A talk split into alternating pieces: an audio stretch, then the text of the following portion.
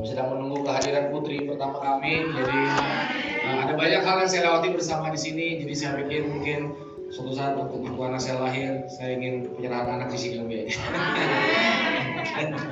ya. kita kita keluarga semua dalam Tuhan. Amin. Amin. Uh, boleh kasih tepuk tangan yang meriah buat Tuhan kita. Rasakan yang biasa. Amin.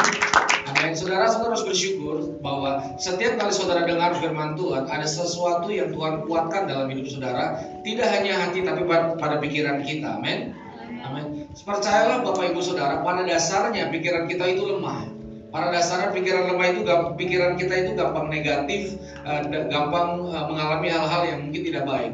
Tapi setiap kali kita dengar firman Tuhan, saya percaya pikiran kita dikuatkan, hati kita diteguhkan. Yang setuju katakan amin. Amin. Ya saya percaya minggu bulan-bulan ini kita belajar tentang keteguhan hati. Amin. Ya, ada area-area kehidupan kita yang harus kita sadari waktu kita jalan sama Tuhan, makin lama makin kuat. Katakan sama-sama setelah saya, makin lama makin kuat. Amin ya, amin saudara. Roh kita makin lama makin kuat, tubuh kita makin lama makin kuat, hati kita makin lama makin kuat. Saya percaya di dalam Tuhan ada kekuatan. Hadirat Tuhan ada kekuatan. Saya percaya di dalam persekutuan seperti ini ada kekuatan. Saya mulai dari sebuah cerita. Saudara tahu satu saat Paulus sedang melayani, kemudian tiba-tiba sekelompok orang datang menarik Paulus ke satu tempat dan merajam sampai mereka pikir Paulus mati. Saudara pernah dengar cerita tentang itu? Dan saudara tahu bahwa Paulus digeletakkan karena dipikir sudah tidak bernyawa akibat dirajam sedemikian rupa. Saudara saya tidak bisa bayangkan betapa hancur dari ujung kepala sampai ujung kaki tubuh Paulus saat itu. Tapi saudara tahu Alkitab itu luar biasa. Tidak lama kemudian murid-murid datang mengelilingi Paulus yang sedang terkapar. Saudara tahu dalam kisah Rasul Alkitab berkata keesok harinya harusnya Paulus masuk UGD karena dirajam patah kaki, patah tangan, cuti dua tahun pelayanan.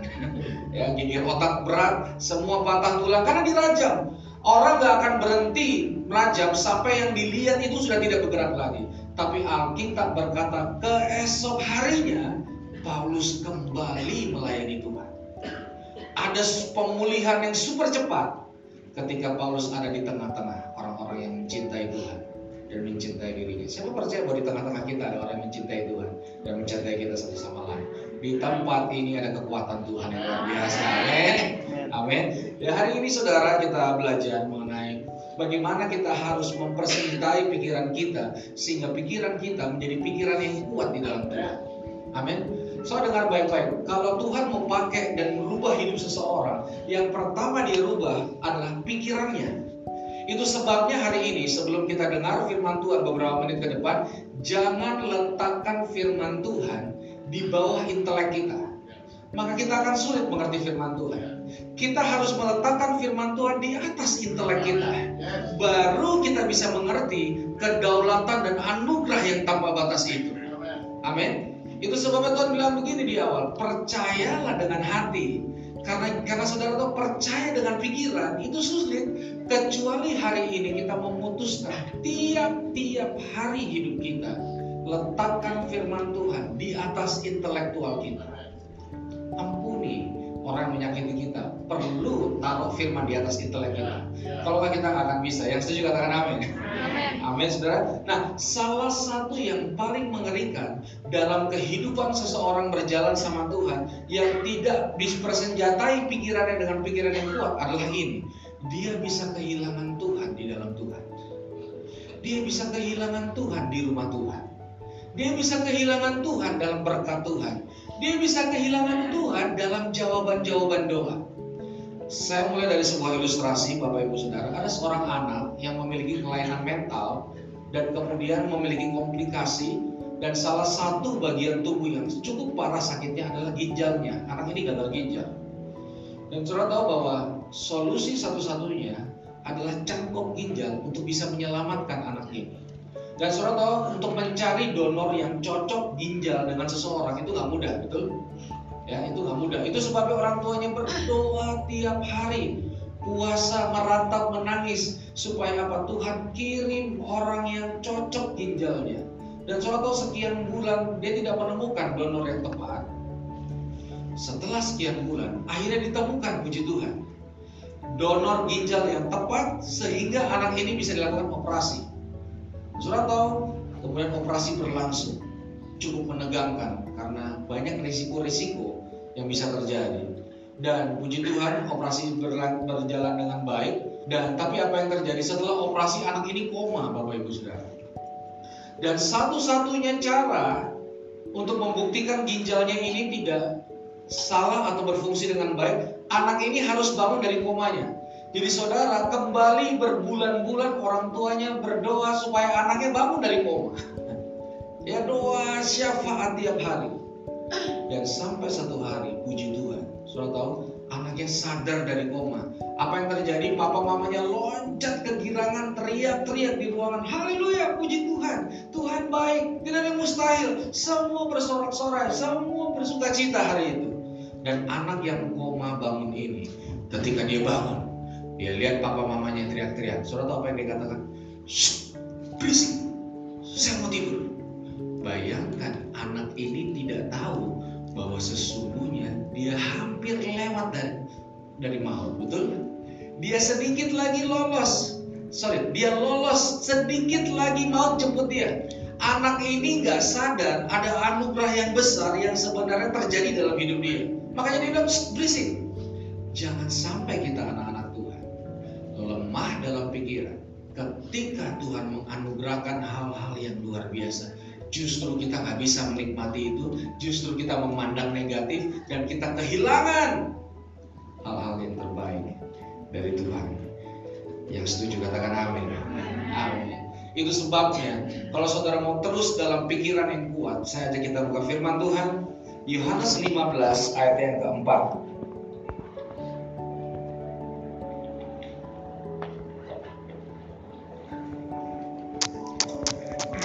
Saya kita baca sama-sama.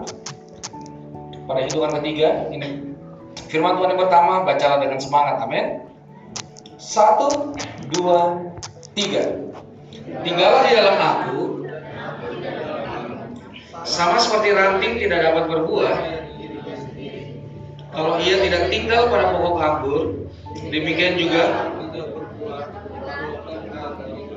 jika kamu tidak tinggal di dalam aku. Saudara dengarkan baik-baik Waktu Tuhan tinggal di dalam kita, kita juga harus tinggal di dalam Tuhan. Amin. Amin. Waktu kita waktu kita dengar firman Tuhan, kita harus juga hidupi tinggal di dalam firman Tuhan.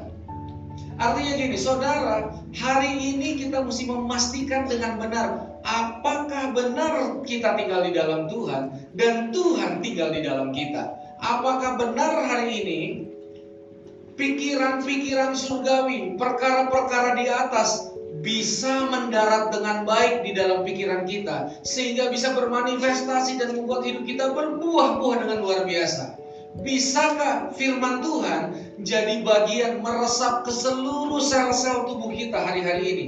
Kita tinggal di dalam Tuhan, tapi Tuhan juga harus tinggal di dalam kita. Hari ini, saudara izinkan firman tinggal dalam pikiran kita. Yang setuju katakan, kalau firman cuma numpang lewat dalam pikiran kita, kita jadi anak-anak Tuhan yang rajin beribadah, tapi pikiran kita lemah. Yang setuju katakan amin. Amin, amin saudara. Itu sebabnya saudara tahu bahwa ketika Yesus berjalan dengan murid-muridnya, ada satu momen Yesus harus memastikan apakah orang yang sudah ikut Tuhan Apakah murid Tuhan yang berjalan sama Tuhan setiap hari sungguh-sungguh pikirannya di dalam Tuhan atau tidak? Sungguh-sungguh pikiran yang kuat atau tidak? Nah, ada satu cerita lagi saya ajak kita buka satu ayat lagi dalam kitab Matius 16 ayat 13 sampai ayat yang ke-20. Saudara dengan murid-murid, Yesus ini pertama kali melakukan retret di dalam retret ini, Yesus memastikan sama murid-muridnya, murid-murid benar nggak tinggal di dalam Tuhan dan Tuhan tinggal di dalam murid-murid. Saudara, ini momen yang sangat penting dalam perjalanan rohani siapa pun dia. Ada harus satu momen, saya percaya biarlah pagi ini menjadi satu momen. Kita memastikan benar nggak firman Tuhan tinggal di dalam pikiran kita dan pikiran kita tinggal di dalam firman Tuhan.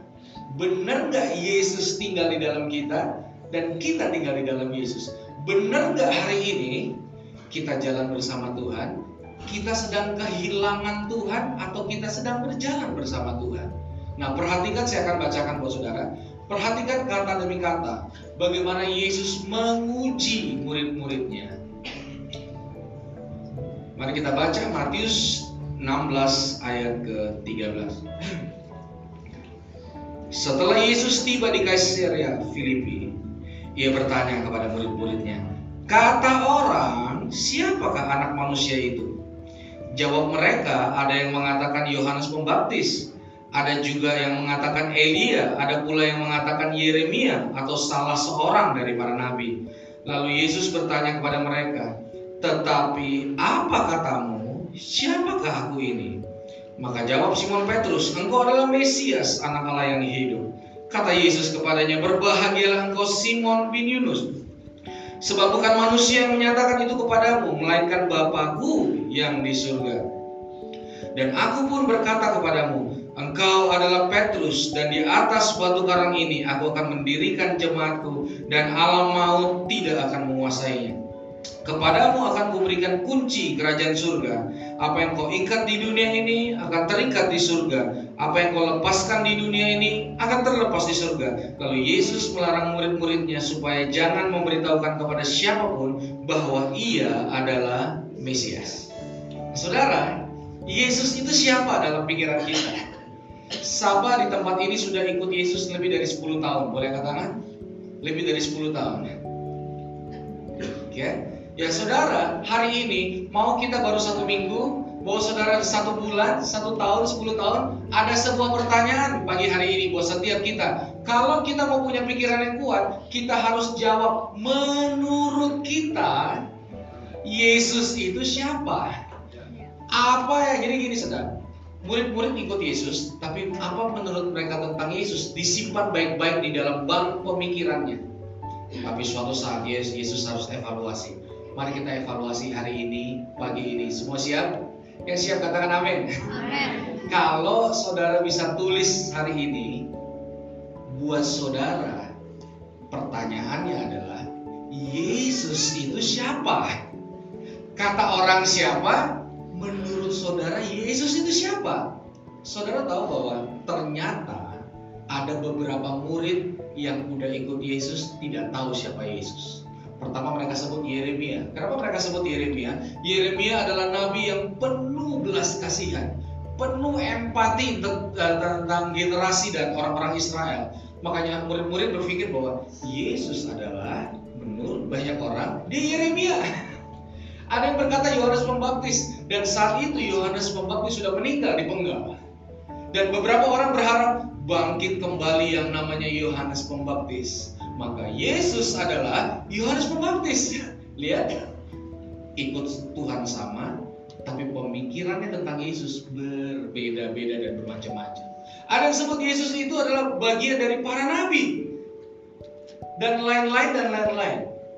Dan puji Tuhan, ada satu menurut saya ini materi kristologi di mana pernyataan berdaulat penuh. Siapa Yesus? Dimulai dari perkataan Petrus. Maka saudara baik-baik kalau kita belajar hari ini kita nggak mungkin salah. Pikiran kita pasti kuat. Tiba-tiba Petrus bilang ini engkau adalah Mesias anak Allah yang hidup. Dan dan Yesus berkata bukan manusia yang menyatakan seperti itu. Saudara baik-baik. Kenapa di antara murid-murid yang salah menerjemahkan Yesus ada satu yang benar namanya Petrus. Nah, saudara literatur mengajarkan seperti ini. Tolong perhatikan baik-baik. Eh, Petrus itu punya seorang sahabat dekat namanya Yohanes Pembaptis.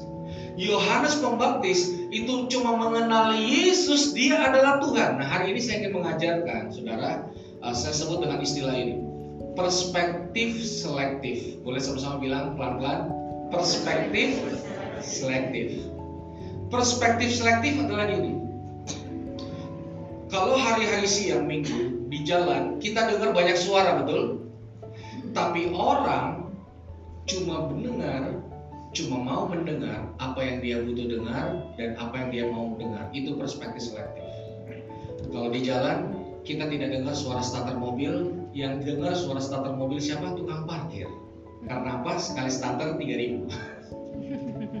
Setuju? Nah, saudara ada sebuah ilustrasi.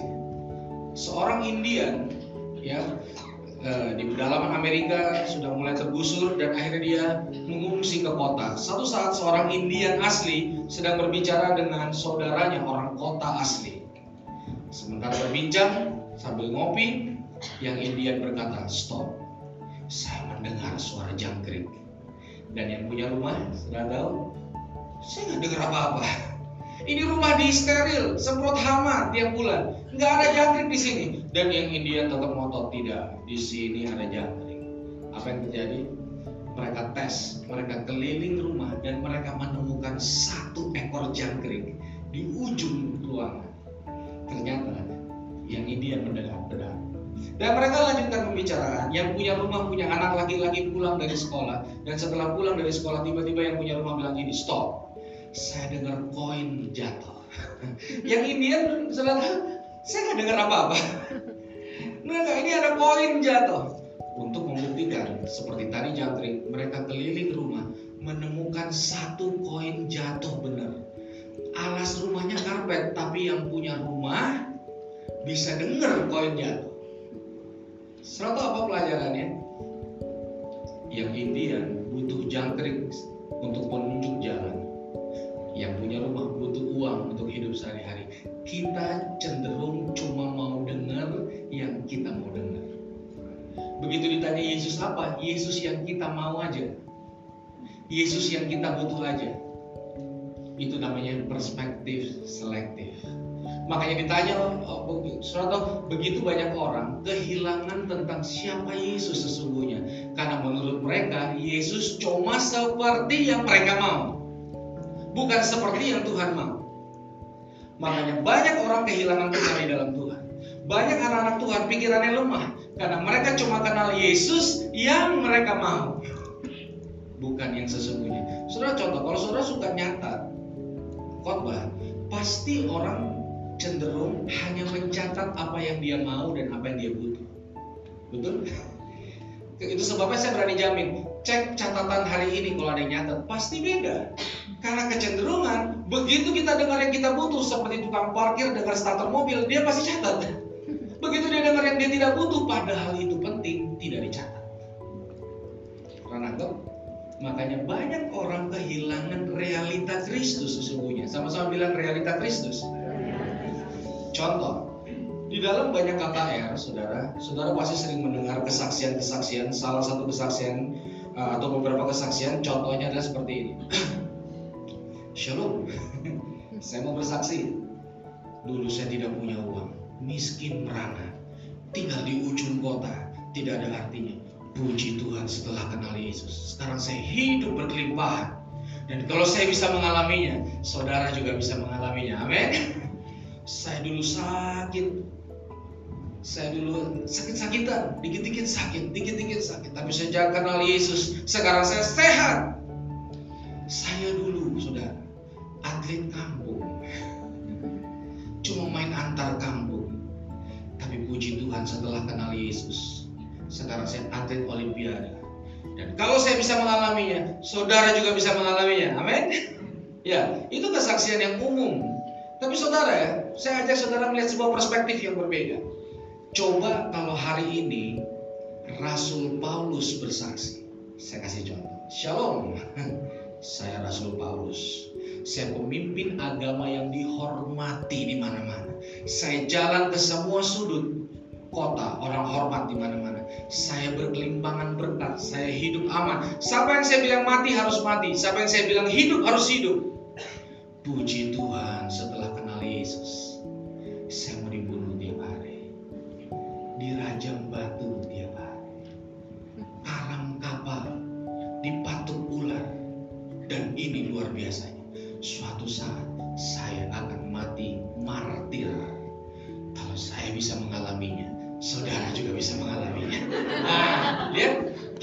tidak mengenal Yesus yang ada dalam salib. Kita cuma mengenal Yesus yang mujizat, mujizat, mujizat, mujizat. Itu sebabnya kemiskinan orang rohani hanya datang sama Yesus cuma sekedar mujizat, terobosan, jodoh dan semuanya. Begitu stres, begitu dalam masalah, begitu dalam tekanan protes. Seakan-akan kita cuma layak terima yang baik-baik aja. Loh, Yesus disalib. Kebanyakan anak-anak Tuhan hari ini cuma pengen bajunya Yesus saja, seperti yang diundi oleh prajurit tidak mau menerima pribadi Yesus yang disalib di mahkota duri, dipaku jalan salib lewat cawan. Itu sebabnya saudara jujur. Justru hari-hari ini yang lemah banyak anak-anak Tuhan. Karena mereka cuma kenal Tuhan yang satu sisi aja yang mereka mau dengar. Siapa Tuhan? Pembuat mujizat. Kalau mujizat nggak terjadi, Yesus itu siapa? Saya mau tanya, kalau kesembuhan tidak terjadi, siapa Yesus buat kita? Kalau terobosan keuangan belum terjadi, siapa Yesus buat kita? Saudara, Petrus bersaksi, Shalom. Saya Petrus, nelayan berhasil. Nelayan sama tukang kayu, derajatnya tinggi nelayan. Saya punya mungkin restoran seafood paling besar. Saya punya perahu, saya punya kehidupan, saya punya duit, saya mapan. Saya hidup dalam sejahtera. Puji Tuhan sejak kenal Yesus. Hidup menderita lebih banyak. Kelaparan, ketakutan, diperhadapkan sama mahkamah pengadilan. Betul? Saudara baca satu Petrus, dua Petrus, berbahagia karena menderita. Dan puji Tuhan, belum selesai kesaksian. Suatu saat saya akan disalib terbalik dan dipenggal sebagai martir kalau saya bisa mengalaminya, saudara semua juga bisa mengalaminya. Hmm. Coba Stefanus bersaksi di KKR. Haleluya shalom, Tuhan baik, amin. Saya percaya amin ya, puji Tuhan, saya mengalami, saya bersyukur saya kenal Tuhan dan karena saya kenal Tuhan, ujung-ujungnya saya dibunuh martir. Saya bisa mengalami, semua juga bisa mengalami. Oh, semua dia di situ. Kalau KKR yang kayak gini, jujur, ada yang datang apa tidak? Nggak ada, karena kita cuma kenal Yesus yang kita mau dengar doang. Makanya jujur, hampir semua tema-tema KKR spektakuler semuanya. Tidak ada tema KKR, dah hadirilah dan banjirilah. Selamat datang hidup dalam persoalan. Nggak ada KKR kayak gitu. Padahal itu realita kehidupan, betul nggak? Itu sebabnya kadang-kadang jujur kita capek hidup sebagai anak Tuhan, kita bermunafik ria setiap hari, kita kita kurang apa adanya setiap hari, karena yang kita kenal cuma Yesus yang memberikan sebuah terobosan. Kita tidak mengenal Yesus yang memberikan proses kehidupan. Yang setuju katakan amin. Amin. Saudara tidak menyesal datang hari ini, amin. Itu sebabnya gini, lambang kekristenan hanya satu, yaitu salib. Saudara tahu bahwa salib itu alat pembunuhan paling mengerikan. Saudara bisa bayangkan ya, misalnya gini, ada seorang ayah, anaknya dibunuh, dan pisau yang untuk membunuh anaknya dijadiin salib, kalung, pajangan rumah. Aneh kan? Bener nggak? Salib itu dipakai alat untuk membunuh juru selamat, betul nggak? Kita nggak pakai lambang lain selain salib, betul? Yang di kalung kita, yang di rumah kita, yang di atas gereja, salib. Salib itu menunjukkan bahwa budaya orang Kristen, budaya orang percaya bukan hanya berkat aja Bapak Ibu Saudara. Hmm. Itu sebabnya pikiran kita harus diperlengkapi sedemikian rupa. Yang setuju katakan amin. Amin Saudara. Itu sebabnya Saudara tahu bahwa ide tentang salib adalah gaya hidup kekristenan sesungguhnya. Makanya dicek lagi sama murid-muridnya. Menurut kalian, Yesus itu siapa sih? benar nggak yang Yesus kalian kenal? Dia Yesus yang sesungguhnya Bapak Ibu Saudara. Yesus yang bukan cuma memberi, kadang-kadang dia mengambil karena semuanya punya dia. Yesus yang juga ada di dalam lembah-lembah kekelaman. Ya, hari ini kita terpesona dengan sebuah gambaran tentang Yesus, tapi menurut saya bukan menaruh bukan uh, menggambarkan Yesus yang secara utuh dan sepenuhnya. Yang setuju katakan apa? Itu sebabnya begitu orang mau masuk dalam pusat rencana Tuhan, orang-orang bisa mengalami sebuah shock terapi. Saudara tahu, salib itu shock terapi buat orang percaya. Amin. Begitu saudara mau komit hidup dalam salib, shock terapi bahwa hidupmu bukan hanya seperti yang engkau mau. Yesus itu bukan Tensoplas atau Hansaplas buat luka. Setelah kita pakai lukanya sembuh Yesusnya dibuang Yesus itu bukan kartu ATM pas kita butuh kita pakai habis itu kita kantongin lagi. Ya itu terjadi amin. Makanya ya biasanya ibadah pemuda ramai kalau mau ujian betul ya di ruang ICU sudah lihat di ruang ICU bantal aja. Itu pakai Alkitab beberapa orang. Pada waktu sehat gak pernah dibaca Alkitabnya. Giliran di ICU jadi bantal. Kalau sore pelayanan ikut saya di penjara beberapa orang. Itu setiap hari keliling nenteng Alkitab pak bu. Yang gak pernah dibaca sewaktu sebelumnya karena menurut dia Yesus itu cuma sebatas penolong aja Yesus lebih dari penolong dia Tuhan yang berdaulat panas dingin gelap terang atas bawah apa pun itu Yesus berdaulat atas kita. Kenalilah Yesus yang berdaulat. Amin. Saudara kita nggak bisa bilang gitu. Kalau kita bisa ngatur Yesus, maka jangan-jangan suatu saat kita bilang sama Yesus, Tuhan Yesus gantian, biar saya yang naik, engkau yang turun. Kayaknya saya lebih jago ngatur dibanding engkau. itu sebabnya ketika pusat rencana Allah mau digenapi, begitu banyak orang tidak siap di dalam sebuah pikiran mereka. Amin. Amin. Sampai belajar sesuatu hari ini, amin. Amin, saudara. Siapa yang rindu semua janji Tuhan digenapi? Boleh katakan? Amin. Amin. Kalau saudara rindu, coba bilang sama orang kanan kirinya, biar semua janji Tuhan digenapi dalam hidup kita. Semua janji Tuhan digenapi. Amin. Amin saudara. Ya, saya juga berdoa seperti itu supaya uh, semua janji-janji Tuhan digenapi dalam hidup kita. Mari kita buka Ibrani 12 ayat 25 sampai 27. Saudara masih bersemangat? Amin. Amin. Ibrani 12 ayat 25 sampai 27.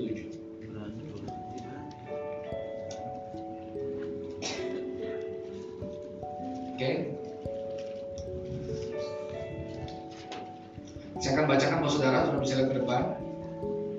Jagalah supaya kamu jangan menolak dia yang berfirman, sebab jika mereka yang menolak dia yang menyampaikan firman Allah di bumi tidak luput apalagi kita jika kita berpaling dari dia yang berbicara dari surga. Yang berikutnya. Waktu itu suaranya mengguncangkan tapi sekarang ia memberikan janji satu kali lagi, aku akan mengguncangkan bukan hanya bumi saja, melainkan langit juga tahan di sini. Kalau lihat baik-baik, saya tanya sekali lagi, siapa di ruangan ini rindu semua janji Tuhan digenapi? Boleh katakan sekali lagi. Kasih tepuk tangan yang meriah buat Tuhan kita. Mari lihat baik-baik ayat ini. Waktu suaranya mengguncangkan bumi, tetapi sekarang ia memberikan janji. Apa janjinya? Goncangan. Betul? Pernah dengar goncangan itu janji Tuhan? Makanya kadang-kadang karena kita tidak kenal Yesus utuh, goncangan sering kita tengking, padahal itu janji Tuhan. Amin. Berapa kali saudara sering menengking goncangan, dijauhkan semua goncangan, dijauhkan semua yang no no no kadang-kadang itu karena kita tidak mengenal Tuhan secara utuh. Amin. Siapa Yesus hari ini? siapa Yesus dalam hidup saudara? Dalam bisnis, dalam pelayanan, dalam keluarga? Yesus itu siapa? Dia Tuhan yang uh, memberikan berkat-berkat aja? Apa dia Tuhan yang juga berjanji ada goncangan dalam hidup kita? Ini buktinya. Itu sebabnya saudara harus tahu bahwa kehidupan bersama Tuhan kalau tidak diimbangi dengan pemikiran yang kuat, saudara akan stres itu Tuhan. Cenderung nyalain orang lain, cenderung mencari kambing hitam dan tidak pernah mengintrospeksi diri sendiri. Amin. Amin. Amin. Amin. Iya. Saya mengajak kita hari ini, mari kita lihat Yesus secara keseluruhan. Saudara, ada sebuah fenomena yang yang jujur ini membuat banyak orang sebenarnya uh, sulit mengiringi Tuhan. Ketika orang ini tidak mengerti apa yang dalam pikiran. Mari kita buka firman Tuhan Yohanes 3 ayat 1 sampai 10.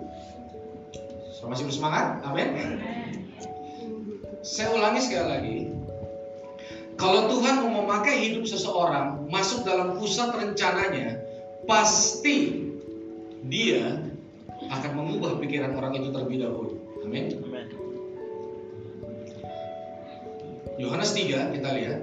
Ada seorang Farisi yang bernama Nikodemus, seorang pemimpin agama. Jadi ini bukan orang biasa, orang yang sudah beragama dan dia adalah pemimpin agama. Saya akan bacakan buat saudara.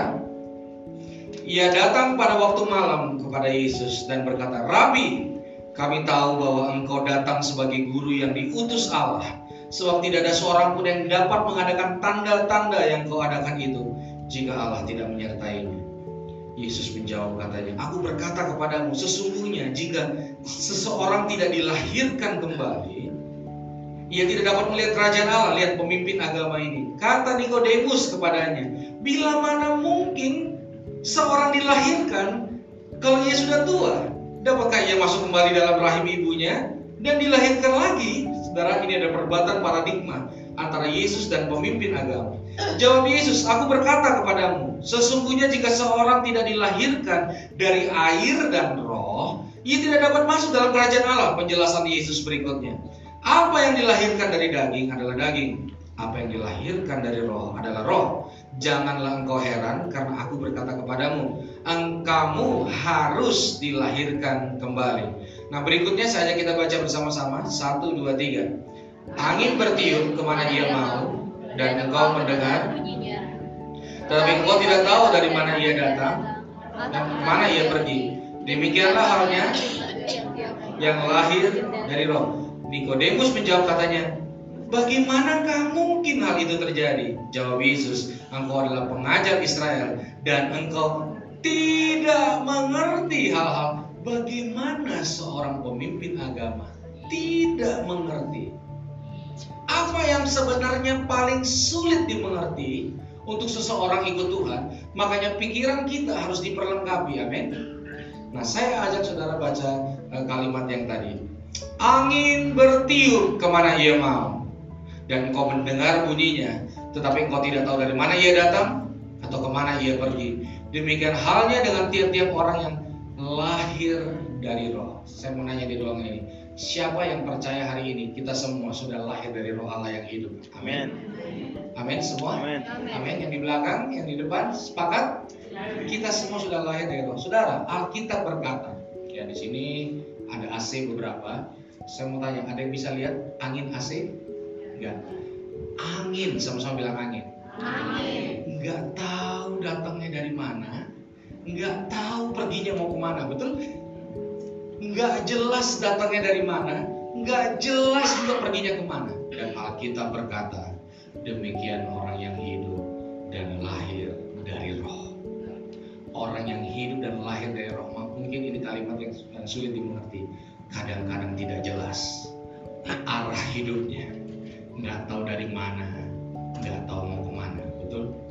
Setuju? Betul kan? Itu kan ayatnya. Setuju? Artinya gini, saudara bukan sutradara kehidupan ini. Saudara bisa atur semuanya dengan baik, tapi perlengkapi senjata kita, pikiran kita, bahwa Yesus yang berdaulat. Kalau nggak saudara akan sulit mengikuti. Kalau ada hal-hal yang nanti saya akan jelaskan di akhir, saudara. Saudara jangan salah sangka karena khotbahnya belum habis. Saya akan jelaskan di bagian akhir. Ada kejelasan yang super hebat di dalam ketidakjelasan kehidupan ini. Kadang-kadang Tuhan izinkan tidak jelas supaya saudara bisa melihat sesuatu yang sangat jelas. Yang setuju katakan amin. Enggak mungkin Tuhan dia jelas. Tapi saudara harus tahu perlengkapi ini kadang-kadang hidup di dalam roh nggak tahu dari mana nggak tahu ke mana saudara kalau kita hidup jelas tiap tanggal 24 dapat sekian tiap tanggal segini dapatnya ini jelas pasti enak betul mau pergi jelas pulang jelas, kalau semuanya ini jelas, enak dia minta. Tapi tolong kenali Yesus secara keseluruhan. Karena begitu kita mencoba menelaah Yesus secara keseluruhan, kita masuk dalam sebuah fase yang saya sebut ketidakjelasan yang menuju kepada kejelasan yang sempurna. Cuma dalam Tuhan saudara bisa mengerti ketidakjelasan dalam sebuah kejelasan. sebuah kejelasan dalam ketidakjelasan. Saya akan jelaskan di akhir. Saudara siap? Ya. Nah, sebelum saya uh, sampai ke bagian akhir, saya mau tanya, ada yang punya sapu tangan di sini? Saya perlu sapu tangan atau kain siapa aja? Saya mau pinjam untuk sebuah ilustrasi. Ada atau kain apa aja boleh pinjam? Saya lupa dari awal. Sambil kita buka Yohanes 20 ayat 1 sampai 7. Ya, saya pakai warna aja. Mas Ren, Mas Ren. Itu Mas Ren. Enggak apa-apa, Umi. Pinjam sebentar boleh, maaf. Ya, terima kasih, Umi. Ya. Sebuah kejelasan di dalam ketidakjelasan. Oke? Kita buka Yohanes 20 ayat 1 sampai 7. Semua siap? Siap. Pada hari pertama minggu itu, pagi-pagi benar ketika hari gelap, pergilah Maria Magdalena ke kubur itu dan dia meli dan ia melihat bahwa batu telah diambil dari kubur. Ia berlari-lari mendapatkan Simon Petrus dan muridnya yang lain yang dikasihi Yesus dan berkata kepada mereka, Tuhan telah diambil dari kuburnya. Kami tidak tahu di mana ia diletakkan. Jelas atau tidak? Enggak jelas. Mereka percaya Yesus bangkit. Ketika mereka percaya sebuah kejelasan Yesus bangkit, kuburnya hilang. Yohanes terus hilang. Ini benar gak sih Yesus? Yesus ini benar-benar mati apa diculik? Tiba-tiba, saudara kayak gini. Salah satu ciri rencana Tuhan sedang digenapi. Kadang-kadang, kadang-kadang ya, saya tidak berasumsi.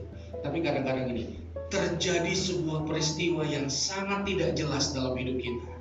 Saudara nggak tahu semua kepintaranmu, orang-orang hebat di sekitarmu nggak bisa menerjemahkan. Ini apa sih sebenarnya?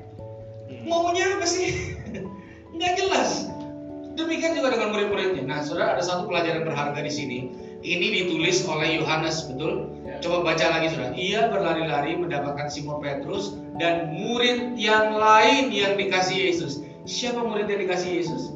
Yohanes. Dia tidak pencitraan, saudara. Dia nggak bilang dirinya. Dia bilang ada orang lain yang dikasih Yesus. Padahal itu dirinya sendiri karena dia menulis. Hebat bukan? ya, ini ini orang hebat yang nulis. Dan saudara, saya, saya lanjutkan ketidakjelasan ini, saudara.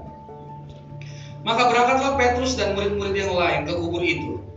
Keduanya berlari bersama-sama, tapi murid lain itu berlari lebih cepat daripada Petrus, sehingga lebih dulu sampai ke kubur. Ia menjenguk ke dalam dan melihat ada kain kapan terletak di tanah, akan tetapi ia tidak masuk ke dalam.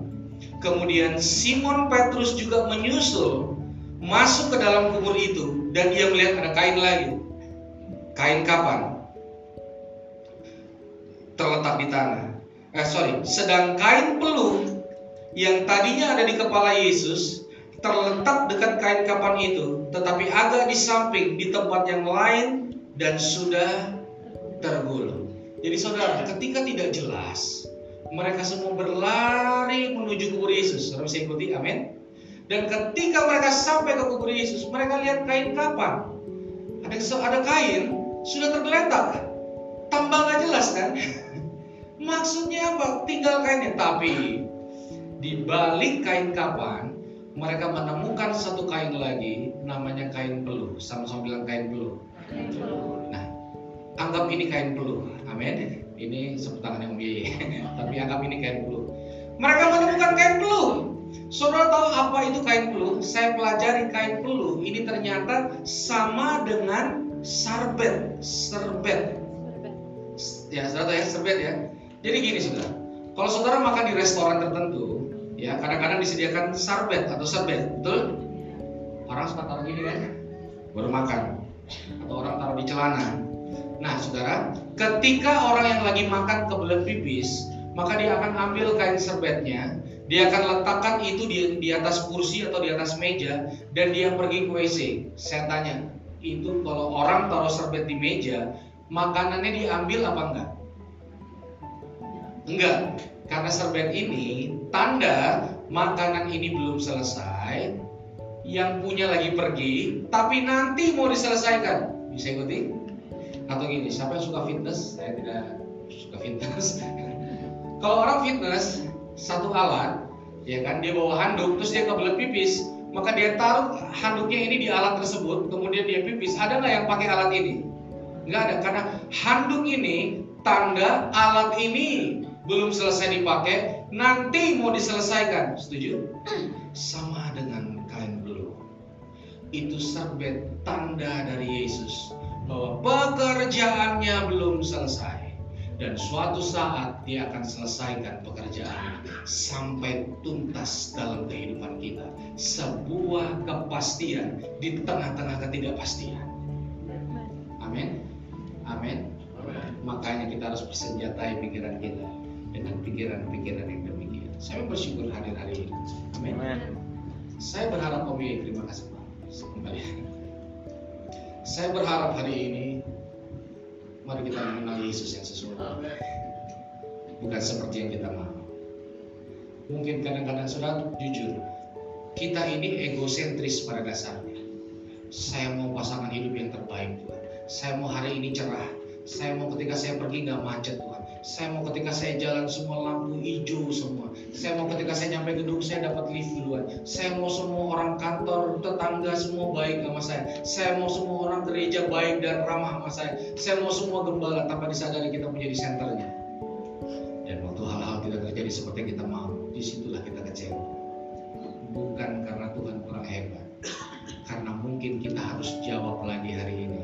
Siapa Yesus yang sesungguhnya boleh tepuk tangan buat Yesus.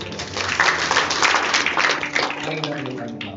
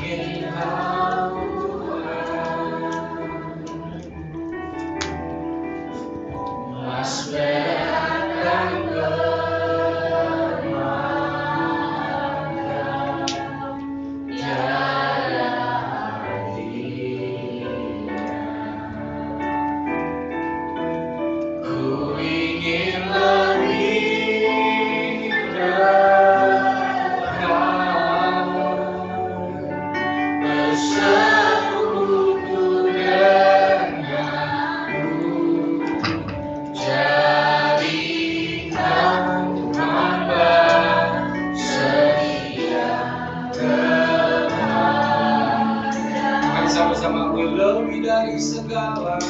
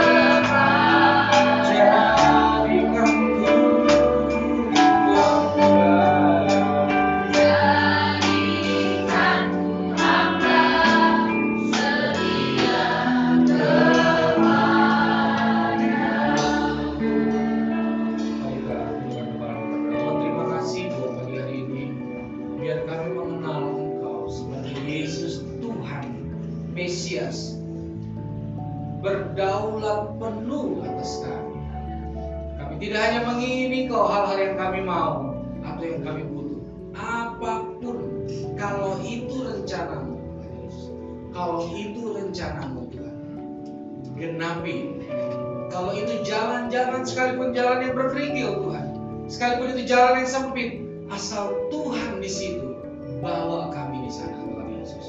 Perlengkapi pikiran kami, hati dan hidup kami. Kami boleh selaras berjalan di dalam anugerah dan rencana setiap hari dalam kehidupan kami. Dan sebelum selesai saya rindu berdoa. Berapa banyak dari saudara datang hari ini, engkau merasa ada sebuah perasaan Ada kadang-kadang hal yang tidak jelas dalam hidup. Ada kebingungan, kekhawatiran, dan ketakutan. Seperti angin, kadang-kadang kau merasa tidak tahu dari mana dan tidak tahu ke mana. Ada sebuah ketakutan akan hal-hal yang terjadi di depanmu. Perasaan itu kadang-kadang menghalangi kau berlari pada Tuhan, menghalangi kau mencintai Tuhan. Saya berdoa sebelum kita pulang dan saya berharap saudara tidak lewatkan kesempatan itu. Berapa banyak dari saudara yang sering merasakan hal seperti itu? Engkau merasa di fase yang tidak jelas seperti yang tadi. Kalau saudara orangnya, bolehkah saudara mengangkat tangan pada hitungan ketiga? Saya percaya ada rencana Tuhan hari ini buat saudara. Satu, dua, tiga. Angkatlah tanganmu tinggi-tinggi dan aku berdoa di dalam perasaan ketidakpastian siapa pun yang sedang mengalami pagi hari ini Tuhan taruh sebuah kepastian dalam hati mereka kami tidak butuh melihat untuk percaya karena kami percaya engkau Alfa dan Omega yang berdaulat penuh seluruh aspek aku berdoa angkat semua ketakutan kekhawatiran. Perasaan-perasaan takut akan masa depan. Kecemasan dalam bentuk apa pun. Dan hari ini lahirkan iman dalam hidup mereka. Hidup mereka nggak akan pernah sama lagi. Karena engkau Immanuel selalu ada dalam hati hidup keluarga kehidupan dan selama lamanya berkati semua kami keluarga kami. Kami serahkan hidup kami ke dalam kedaulatan dan rencana Tuhan yang sempurna jadilah seperti yang Tuhan mau dalam hidup kami seperti di surga dalam nama Yesus kami alaskan doa dan ucapan syukur dan kita yang bersyukur pagi ini mari sama-sama kita katakan. Selamat hari Minggu semua Tuhan Yesus.